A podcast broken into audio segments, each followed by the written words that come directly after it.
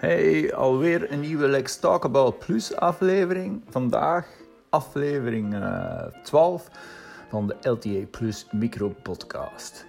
Je kan ze allemaal beluisteren via je favoriete speler. Deze heeft als titel Ga ik nu nooit meer liegen? Moest ik dat beweren, zou ik al meteen beginnen met een grove leugen.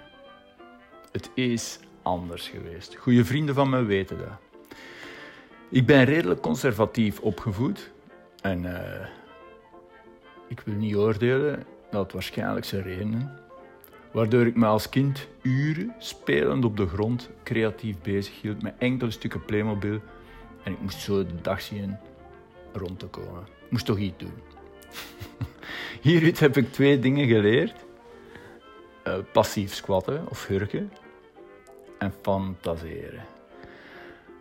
Uh, hurken, de verschillende posities op de vloer in te nemen. Ja, kreeg ik die mobiliteit in mijn heupen. En trouwens, ik denk ook dat kinderen liever op de grond spelen dan aan een tafel en een stoel. En fantaseren was een vaardigheid om het voor mij interessant te maken natuurlijk. Dus hurken en fantaseren, dat heb ik, er, dat heb ik eruit gehaald. Ik ging de lijn doortrekken op school, eerst op de lagere school en daarna middelbare school. Vermits ik nergens in uitblonk, of uitblinkte, ik weet niet eigenlijk hoe dat je dat zegt, behalve dan in verhalen verzinnen, uh, gebruikte ik mijn fantasie om ergens bij te horen. En dat lukte tamelijk goed. Zo kon ik met iedereen overweg. De so-called, tussen aanhalingstekens, zwakte, maar ook de stoere binken. En soms scoren bij, bij vrouwvolk. Ik hoorde erbij, met andere woorden. Gelukkig verhuisden we regelmatig, wel elf keer denk ik, want ik ging soms iets te extreem met dat verzinnen en ik moest dat dan bekopen. Niet dat dat noodzakelijk de reden was van de verhuizen. Laat ik het zo zeggen. Het kwam van tijd goed uit. Later, en soms nog, gebruik ik die skill om mijn of een verhaal wat aan te dikken. Maar ook hier is het een dunne lijn tussen overeind blijven en door tijdens te zakken.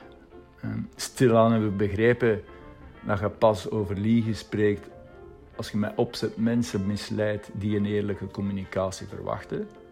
En dat is een belangrijke. Allee, hij is eigenlijk zo belangrijk dat ik hem nog eens ga herhalen. Spreek pas over liegen als je iemand met opzet misleidt die eerlijke communicatie van u verwacht. In alle andere, vormen, uh, in alle andere gevallen is het eigenlijk een vorm van bedrog. En net als de vraag hoe is het, gaat niemand ervan uit dat dat een opening gaat zijn voor een goed gesprek, maar eerder een begroeting van goed, hoe is het met u? En sommigen slagen er dan toch nog in om over teleurstellingen, huwelijksproblemen, staat van hun stoel gaan te beginnen. Dus ja, wie bedriegt hier wie eigenlijk? Hè? Nogmaals, mijn intentie is om zo puur en eerlijk mogelijk over te komen. Dus zeg het, zeg het voort, laat iedereen het weten. Dat, dat kan tellen qua motivatie. Right? Dat was het. Knuffel en tot volgende. Peace out.